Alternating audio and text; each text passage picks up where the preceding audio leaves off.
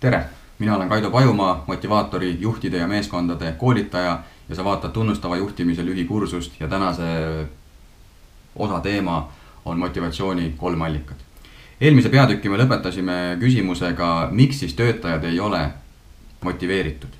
kas see, kui sa tellid motivatsioonikoolituse alamotiveeritud töötajatele, kas see päriselt lahendab selle olukorra? minu seisukoht on, et ei lahenda sest motivatsioonikoolituse tellimine, seda võib võrdsustada klouni tellimisega matustele.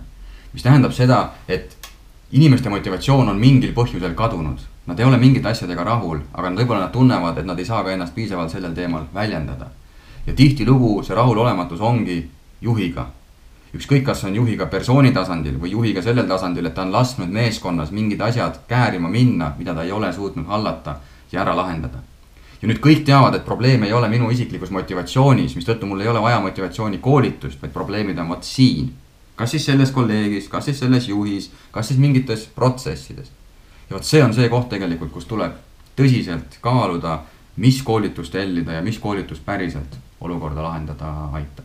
ja nüüd, kui rääkidagi motivatsioonist, sest kui töötajatel on motivatsioon madal, sul on vaja nende motivatsiooni kuidagi suurendada, siis sul on vaja teadvustada, et motiveerimiseks on kolm allikat punkt üks, loomulikult rahalised motivaatorid. mitte punkt üks sellepärast, et need oleks kõige tähtsamad, aga need tuleb kohe lauale ära panna, sest kui hakata siin rääkima, et no raha on kuskil teisejärguline või kolmandajärguline, see on jama. loomulikult raha läheb inimestele korda, mida rohkem sul raha on, seda mõnusam elu sul on. aga ei saa ära unustada, et palgapäev on sul üks kord kuus. aga tööl on vaja käia kakskümmend kaks korda kuus mis tähendab seda, et kui kakskümmend kaks korda ma saan negatiivse kogemuse, siis kas tõesti see üks kord kuu lõpus kompenseerib selle? kas see, kui ma päevast päeva tunnen pingeid ohustatuna, ma pean vaidlema, ma pean tõestama, ma pean kogu aeg võitlema oma õiguste eest, ma pean kogu aeg leppima mingite nõmedustega meeskonnas, juhi poolt. Äh, sellega, et ma ei tunne, et ma olen õige koha peal, sellega, et minuga ei tegeleta, mulle ei pöörata tähelepanu, minult ei küsita nõu, minu arvamust ei võeta kuulda, minust sõidetakse üle. ja nüüd kuu lõpus ma saan nagu palka kas see kuu lõpus saadav palk kuidagi nagu kompenseerib seda või? muidugi ei kompenseeri. mistõttu raha on loomulikult väga-väga oluline ja mida rohkem sa maksta saad, seda parem, sest sellega sa vähemalt elimineerid selle faktori, et keegi kuskil saab sama töö eest rohkem, mistõttu nad mõtlevad kogu aeg, et okei okay,, see on ebaõiglane, see ei ole õiglane.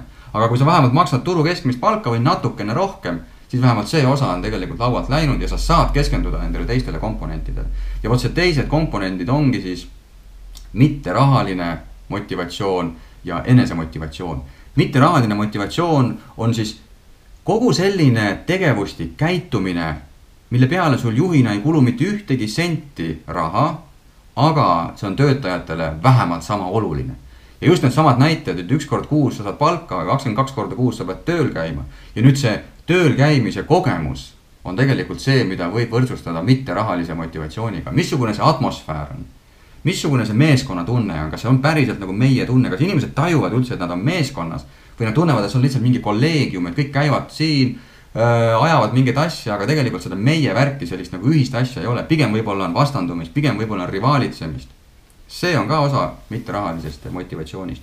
samuti loomulikult tunnustamine, tagasiside saamine äh,, minu arenguvõimaluste märkamine ja nende pakkumine äh,, usalduse loomine, kõik need asjad tegelikult on need, mis mulle inimesena väga-väga korda lähevad, aga mida ei saa tegelikult rahaga kinni maksta.